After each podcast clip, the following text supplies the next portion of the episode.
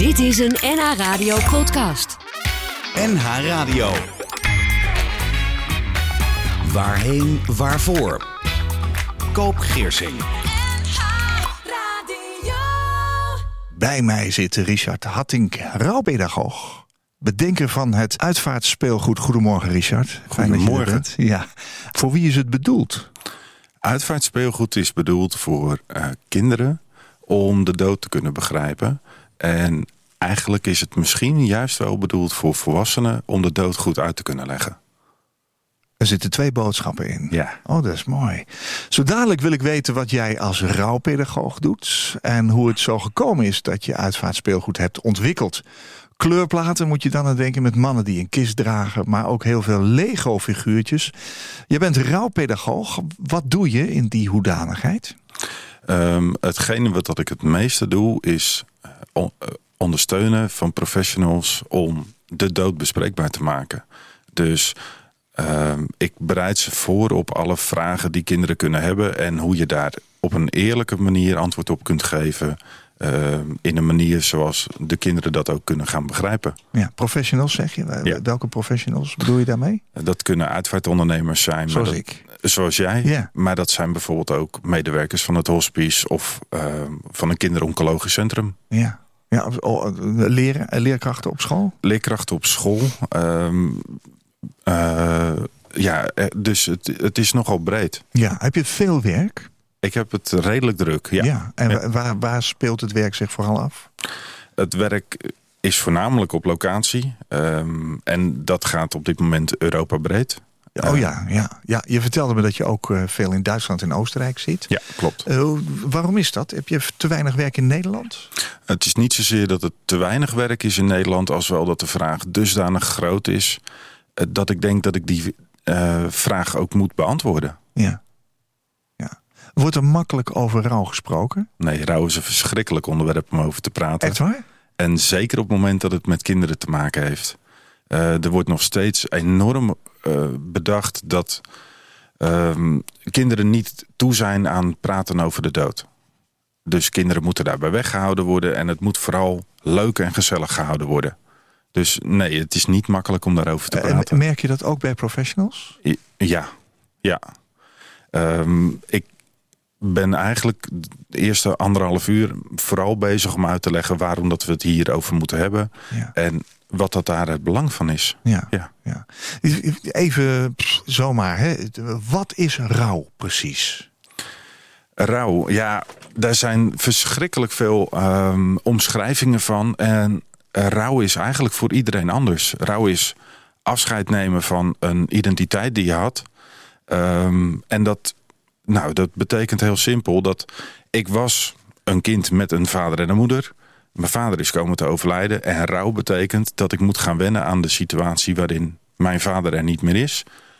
En ik dus een kind word met een moeder en een vader ergens anders. Oh ja. ja.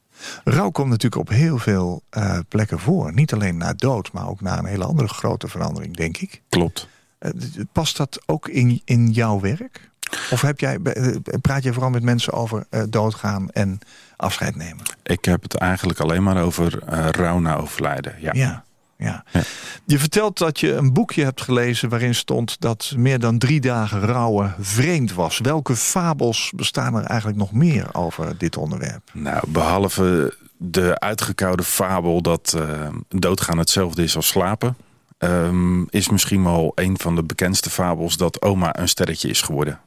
Oh ja. En dat zijn fantastische beeldspraken. Maar op het moment dat we het houden bij de beeldspraak... dan eh, kom ik bijvoorbeeld kinderen tegen die intens verdrietig zijn... omdat ze een vallende ster hebben gezien... en oma niet konden vinden... terwijl die echt uit de hemel is komen vallen. Dus eh, er zijn legio fabels over de dood... eh, die allemaal ontstaan vanuit een, een goed idee om het bespreekbaar te maken... maar een beetje onhandig wordt aangepakt. Oké, dus je- kunt dat dus beter niet zeggen. Oma slaapt of eh, eh, oma is een sterretje geworden. Nou, als je wil vertellen dat oma een sterretje is geworden... en je wil dat beeld gebruiken, is dat prima. Maar dan moet je ook uitleggen wat dan het verschil is tussen... ik gebruik de ster om oma te herinneren... of oma is een ster geworden. Oh ja. oma is een ster geworden, klopt niet. En laten we alsjeblieft niet onze kinderen allerlei fabels op de, op de mouw gaan spelden. Nee. Maar als je de ster wil gebruiken om aan oma te kunnen denken... is dat volgens mij een prima idee. Ja, dus daar is nog wel wat werk in. Daar Om- zit ja, nog een ja, kleine uitdaging. Snap ik. Je hebt me verteld dat je in je levensreis, je eigen levensreis... de pedagogische opdracht ziet om te zorgen voor kinderen die het moeilijk hebben. Klopt. Waar komt dat vandaan? Waarom wil je dat zo graag? Omdat ehm, heel veel kinderen het lastig hebben. En op het moment dat ze het lastig hebben en daar niet bij geholpen worden... dan eh, hebben ze daar eigenlijk een leven lang last van. En, en ik wil een beetje bijdragen in het wegnemen van die last. En, en dat betekent niet dat we ze voor alles moeten beschermen. Maar als je een pleister kunt plakken nadat iemand is gevallen... dan eh, wordt het er wel wat draaglijker van. En dat is wel wat dat ik eh, hoop te doen. Eh, w- waarom is dat de missie van Richard Hattink? Waarom is dat een missie? Ehm, omdat op het moment dat het niet gedaan is... er ehm, zo verschrikkelijk veel problemen kunnen ontstaan... die met volgens mij minimale inzet... ehm, nou, voorkomen worden is een groot woord... maar in ieder geval beperkt kunnen worden. Ja, je kunt mensen daarbij helpen. Ja, Ja, ja precies. Ehm, je streeft naar de volledige acceptatie, integratie van kinderen bij een uitvaart. Nou ja, in mijn dagelijkse praktijk zie ik dat dat ook heel, een heel lastig, bijna taboeachtig onderwerp blijft. ja. Mensen die toch vinden dat dat kind eh, daar weggehouden moet worden, die überhaupt vinden dat kinderen maar vrolijk moeten leven en spelen. Waar- waarom vind jij zo belangrijk dat dat wel geaccepteerd wordt? Ehm, ik ehm, vind het belangrijk dat dat geaccepteerd wordt, omdat ehm, op het moment dat kinderen weggehouden worden, wordt het er automatisch ingewikkelder van. Het wordt een spannender onderwerp voor kinderen. En ehm, wat ze niet hebben gezien en wat ze niet begrijpen, gaan ze met hun fantasie invullen.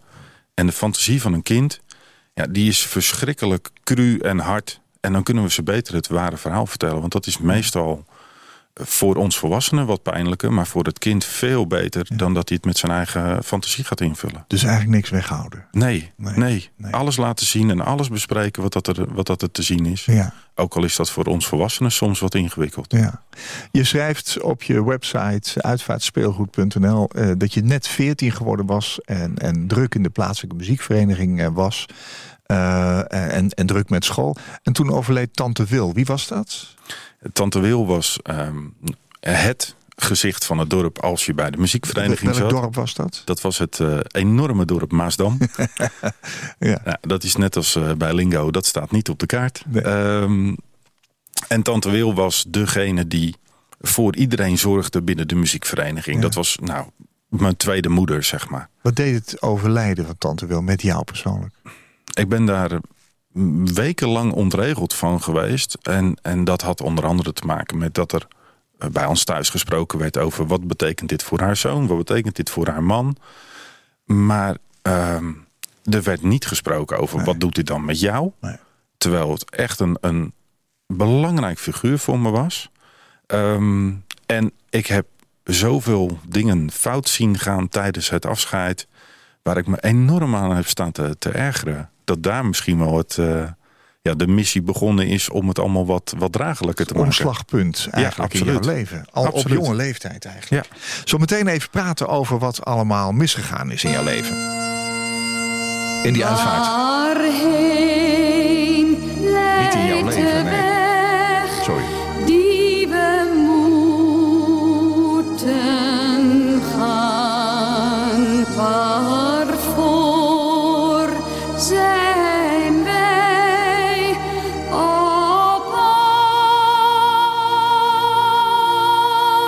Aarde? Vraag, waarvoor zijn wij op aard? Nou, bij mij eh, eh, is duidelijk, maar bij jou lijkt het me ook duidelijk. Waarvoor ben jij op aard? Want vanaf je veertiende ben je eh, bewust geworden van het feit... dat dood een enorme impact op je kan hebben als kind. Je hebt daarna, zei je zojuist, heel veel mis zien gaan bij dat afscheid. Daar wil ik graag zo meer van horen. Ik heb je gevraagd drie liedjes mee te nemen... die op jouw eigen uitvaart zouden moeten worden gehoord... Ehm, eh, we gaan zo luisteren naar een heel bekend eh, eh, nummer, naar een hele grote hit. Waarom heb je voor dat nummer gekozen? Ehm, omdat ik, eh, behalve dat ik verliefd ben op het geluid van Hammond... ehm, iedere keer als ik dit nummer hoor, heb ik kippenvel echt een meter hoog staan. En het, het raakt me echt tot op de ziel. Dus ja, dit, dit nummer moet er gedraaid worden. En, en het liefst als afsluiter om nog even één keer met kippenvel de zaal uit te kunnen.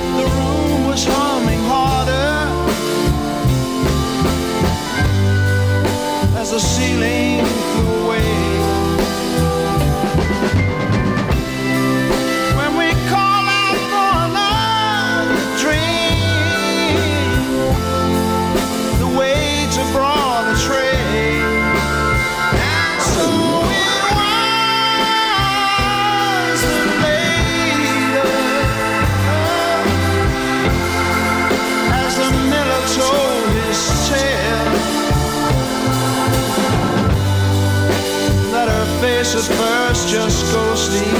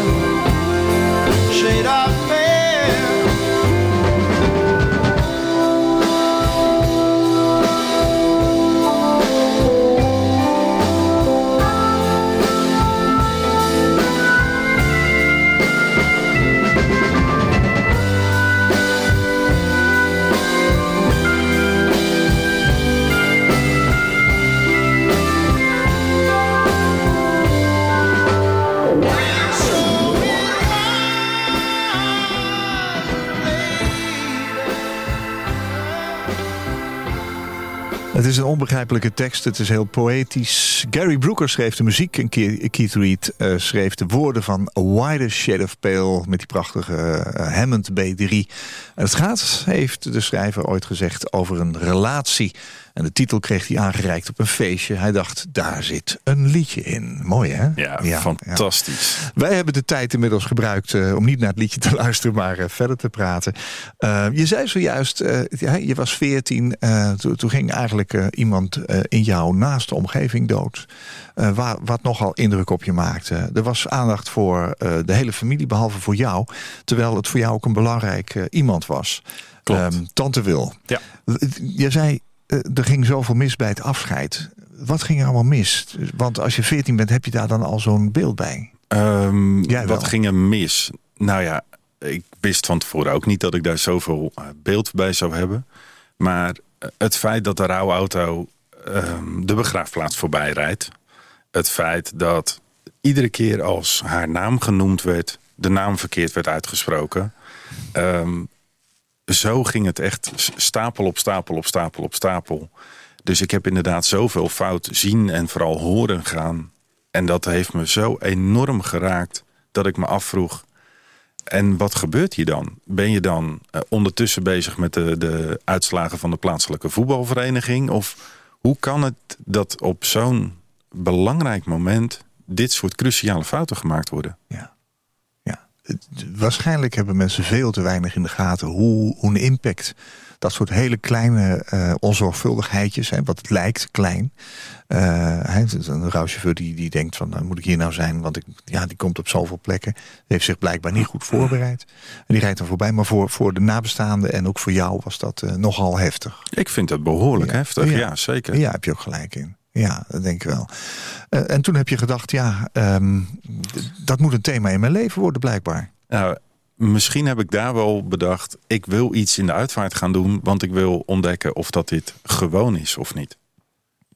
Dus ehm, Wil ja, wilde je het ook beter doen dan wat je daar tegenkwam? ik wilde het eh, beter doen, maar ik wilde voornamelijk ontdekken, is dit iets wat dat dagelijks gebeurt of heb ik gewoon pech gehad? Ja, dat gebeurt niet altijd hoor. Nee, dat ben ik inderdaad in de jaren daarna ook wel eh, Ja. gaan ontdekken. Ja, dat is waar. Ik praat met eh, Richard Hattink, rouwpedagoog en bedenker van eh uitvaartspeelgoed. Richard, op een gegeven moment vond je een baan als docent. Hè? Blijkbaar heeft het toch al een tijdje geduurd. Je zat in het eh, basisonderwijs, speciaal basisonderwijs. En in het eerste jaar kreeg je maar liefst vier keer te maken met een overlijden in de school. Je, hebt het ook wel over je heen gekregen. Hè? Twee ouders van twee kinderen, waarvan één uit jouw klas. en Een kind uit een andere klas. En een notabene het overlijden van jouw eh, stagiaire die nog maar 17 was. Ho- Hoe ben je daarmee omgegaan destijds? Ehm, nou, ook dat was echt bizar. Ik kwam toen net uit de uitvaart. En ehm, ik ging vragen stellen over wat kunnen we hier dan mee? Want ja, ik heb idee wat dat je ermee moet vanuit de uitvaartkant. Maar vanuit de pedagogische kant had ik niet zoveel eh, benul dat dat er gebeuren moest. En ik kreeg een boekje aangereikt en daar stond in... eh, beste oude verzorger uit klas puntje puntje. eh, leerling uit puntje puntje is overleden dankzij een puntje puntje puntje ongeluk. Moest je gewoon invullen? En dat was een invuloefeningetje. Ja. En ehm, meer was er niet. Dus daar vandaan ben ik nou eigenlijk alles gaan lezen wat dat los en vast zat. Om met die kinderen te kunnen praten over. En wat gebeurt hier en hoe normaal is dit? Want ehm, dat een kind een overlijden meemaakt is normaal. Maar dat je er vier in een schooljaar meemaakt is nogal, eh, nogal heftig. Daar moet je aan gaan werken. Ja. Ja. Ja, en dat, dat doe je niet meer met een, een boekje over een, een konijntje of over een kikkertje eh, die een vriendje verliest. Nee. Wat heeft het met jou persoonlijk gedaan? Het heeft me in eerste instantie enorm onzeker gemaakt. En op het moment dat ik merkte dat ik het verhaal aankon, heeft het mij doen bedenken: ik moet hier iets mee en dit, dit moet nooit meer kunnen gebeuren. En dat zijn hele grote woorden, daar ben ik me echt bewust van. Maar ik wilde me nooit meer zo voelen als dat moment. En ik wilde ook eh, voor anderen kunnen bijdragen in dat ze nooit zo hoefden te zoeken op het moment dat het aan de hand is. Nee, jij wilde in staat zijn om de juiste tools eh, eh, zeg maar eh, in werking te stellen om die kinderen bij te kunnen staan. Ja, op klopt. juiste manier. Klopt. Ja. Ehm, je hebt de masteropleiding pedagogiek gevolgd. en daar werd, hoe kan het ook anders, dood en rouw in jouw eh, studie en in jouw onderzoek het centrale thema. Je bent op zoek gegaan naar de steun die je miste tijdens het overlijden van tante Wil. Ja. Dus daar komt het weer terug. En na het gemis dat je voelde in dat eerste jaar voor de klas, hè, dat resulteerde onder andere in eh, uitvaartspeelgoed. Klopt. Eh, dat was er nog niet. Wat trof je wel aan op het gebied van kinderen en rouw? Ehm, ik, Behalve boekjes. Wa- wa- waren er andere dingen? behalve boekjes was er niet zo heel veel. Er, er was een, een, een tekeningetje, een kleurplaatje. Ehm, en die kleurplaten, dat, dat is het standaardbeeld jaren 50. Dus dat is nog de uitvaartondernemer in zwart jacket met hoge hoed. Oh ja, Ehm, handschoenen. handschoenen. Precies. Ja. Zo, iemand die je ook bij de plaatselijke supermarkt herkent als zijnde. Dat moet een uitvaarder Ja, zijn. dat is een kraai. Ja, Ja. precies. Ja. Ehm, en voor de rest was er eigenlijk niets. Nee. Dus dat, daar lag, wel een, eh, lag nog wel een terrein open. Daar lag een redelijk terrein open, ja, absoluut. Ehm, maar dat is wel een, een kwestie van gaan onderzoeken wat dat er dan werkt. En ehm, dat het terrein open ligt is duidelijk. Maar welk terrein dat dat dan precies is, dat is wel een zoektocht geweest. Ja, ja. Over die zoektocht, zometeen. We gaan even terug naar jouw eh, top drie van liedjes die jij, tenminste op dit moment in je leven, belangrijk vindt om te laten draaien, te laten horen op je uitvaart. A Wider Shade of Pale komt er zeker in, want eh, ik heb gezien hoe je genoot van het geluid. Eh, maar je hebt een liedje meegenomen wat ik niet kon vinden. Vertel. Klopt. Ik heb een liedje meegenomen ehm, en dat is gespeeld door een plaatselijk beentje. Dus door een beentje uit het dorpje Maasdam. Ehm, en dat werd gespeeld onder andere door de zoon van Tante Wil. En nou, dit liedje, dat, dat kwam uit, ik denk drie maanden voordat ze overleed. Eh, gaat enorm over de zoektocht en, en de mooiigheid. En als ik het heb over nou, mijn pad in, in uitvaart, dan heeft Tante Wil daar een, een belangrijke rol in gespeeld. En dit liedje helpt mij altijd enorm denken aan Tante Wil en hoe dat, dat dan daar vandaan is gaan groeien. Dus ik, ik kan niet anders dan die addict meenemen. The Addict heet het beentje en het liedje heet Life's Too Short.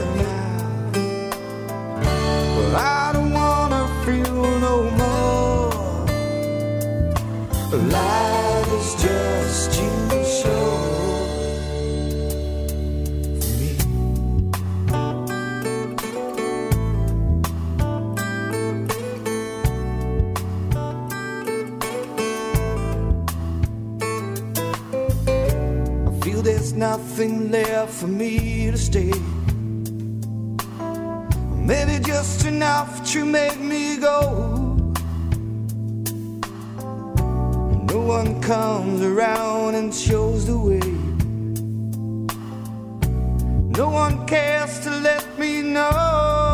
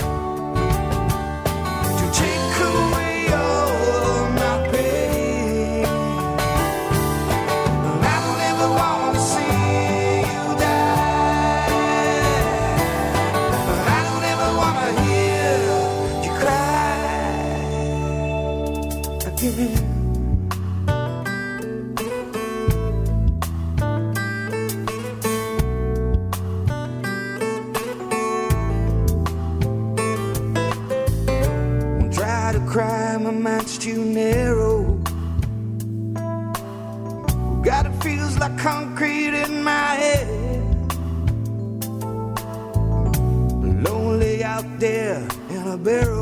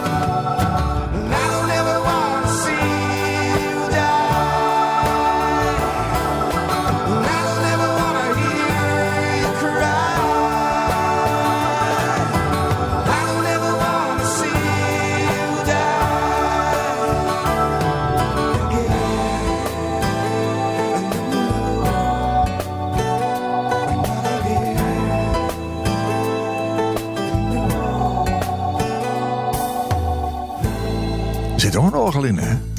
Ja, het orgel is een terugkerend thema. De zoon van eh, Tante Wil speelt drums. Hè? Zeker. Net als jij, Ja, vertelde je net. Ja, mooi.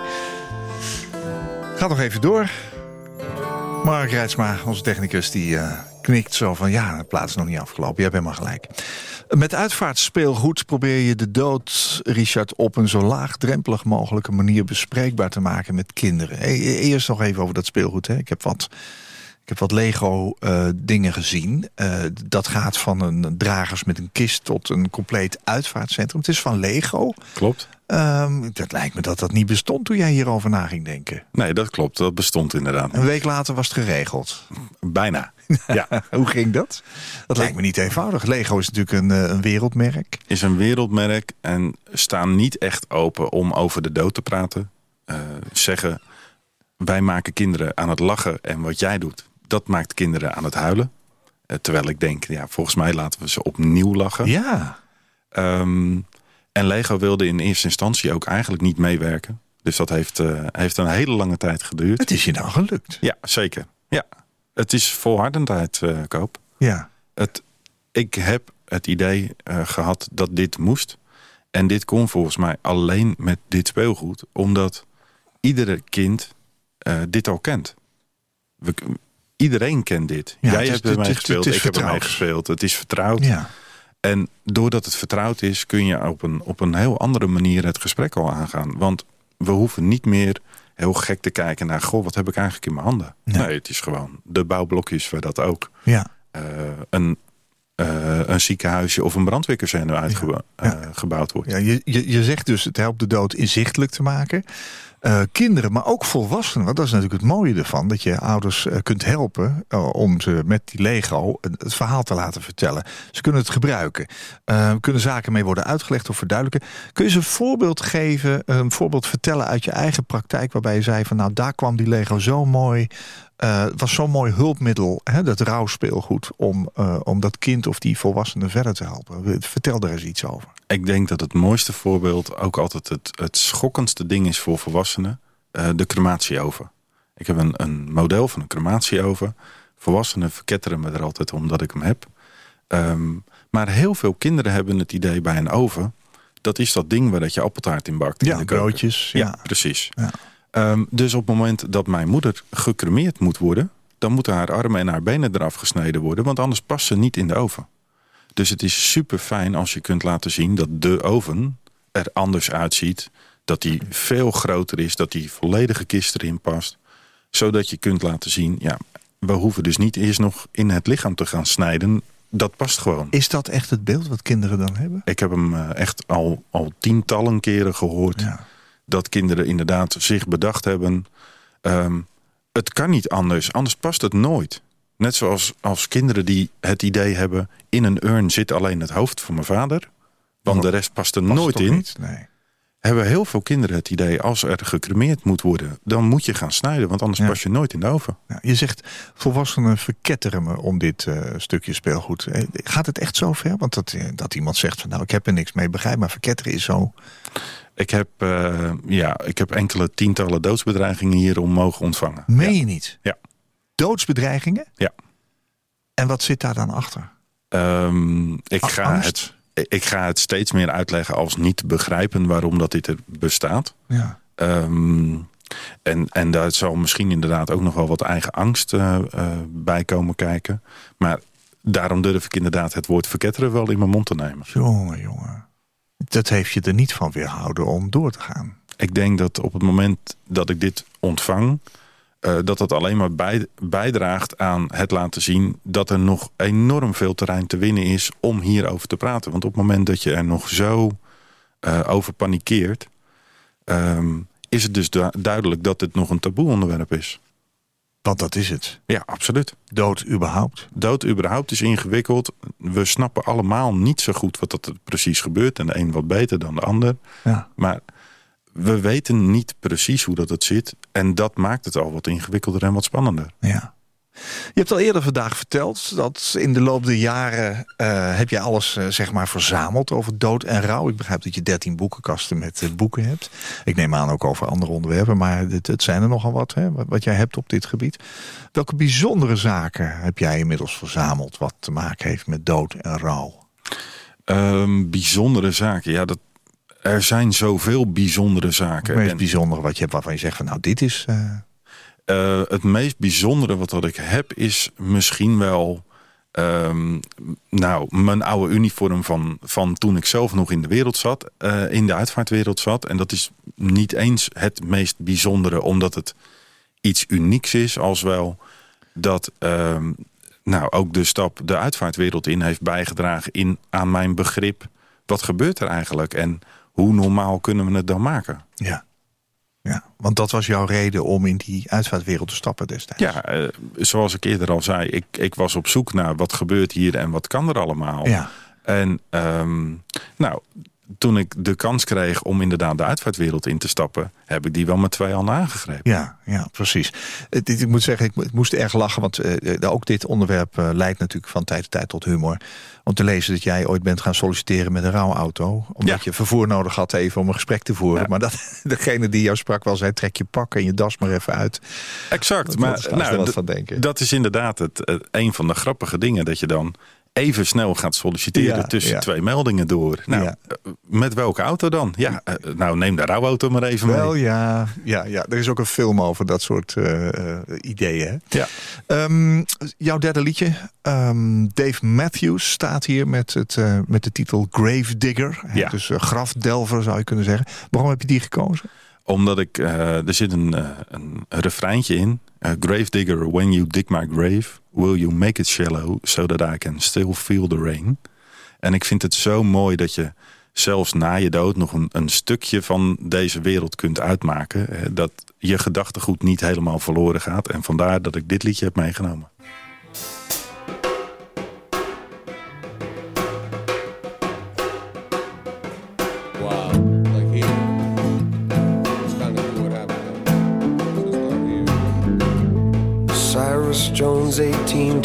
1913. Made his great grandchildren believe you could live to a hundred and three. A hundred and three is forever when you're just a little kid.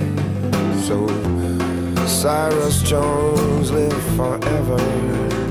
Grave digger, when you dig my grave, could you make it shallow? so that I can Grave digger.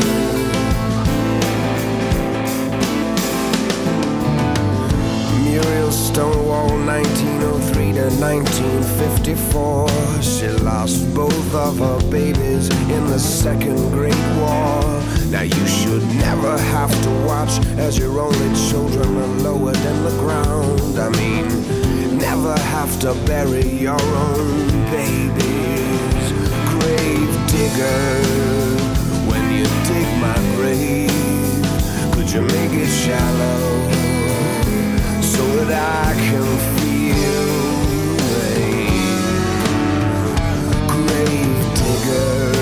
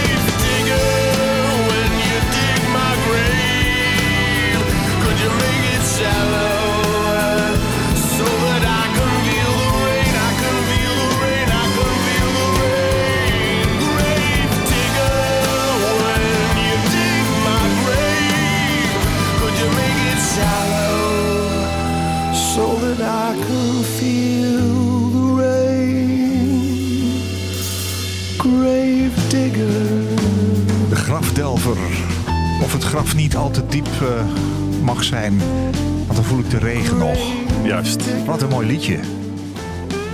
Die tekst is bijzonder, toch? Ja, de tekst is enorm bijzonder. Ehm, Dave Matthews heeft dit geschreven op een begraafplaats en heeft een aantal teksten van grafstenen genomen als inspiratie. Dus je hoort hem vertellen: eh, Muriel Jones, aged 103.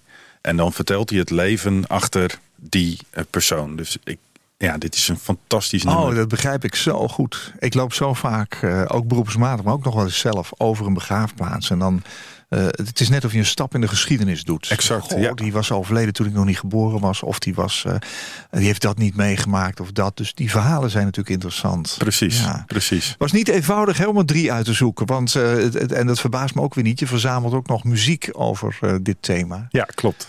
Je had Klopt. er nog wel een paar gehad. Ik had er nog wel een paar Nou, gehad. die neem ik in de zomer mee. Want in de zomer eh, eh, heeft dit programma geen gast, maar wel eh, muziek. En dan zal ik zorgen dat nog een paar van jouw liedjes ook voorbij komen. Dat is fijn. Helemaal Dankjewel. Dit waren jouw drie prachtige liedjes. Ehm, laten we proberen nog even wat, wat, wat eh, in de tipssfeer te blijven. Hoe kunnen kinderen, maar ook eh, volwassenen op, op een goede manier eh, rouwen? Hè? Straks vertelde ik al dat in een boekje stond... langer dan drie dagen rouw is gek. Hoe- zit de werkelijkheid in elkaar? Hoe zit de werkelijkheid in elkaar? Nou, eigenlijk kan alles, zolang het maar past bij het kind. En voor het ene kind betekent dat dat hij er dagelijks iets over moet vertellen. En voor het volgende kind of voor de volgende volwassene betekent het dat hij er pas na drie maanden of na dertig jaar over gaat praten. En het is allemaal goed, zolang er maar eh, duidelijk is dat de opening er is om erover te kunnen praten. Ehm, een van de, van de kinderen waar dat ik ooit mee sprak, die, die sprak de fantastische woorden. Eh, de juf vroeg iedere dag hoe het was voor mij. En ik wilde het niet vertellen. En toen ik klaar was om het te vertellen, toen vroeg de juf er niet meer naar. En volgens mij is dat het allerbelangrijkste. Dat je blijft mm, aanbieden, zonder dat je daar vervelend in wordt. Maar dat je blijft aanbieden om te luisteren, om eh, open te staan voor het verhaal. Dus wat kun je tegen ouders zeggen die kinderen hebben die nogal wat meegemaakt hebben?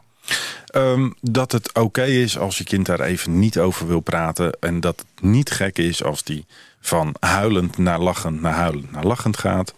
Maar dat het oké is. En neem de tijd. Ja. Praat erover en blijf erover praten. ja. Mensen roepen wel eens, eh, het moet een plekje krijgen. Is dat een rare uitdrukking? Dat is een enorme rare uitdrukking. Wat kun je beter zeggen?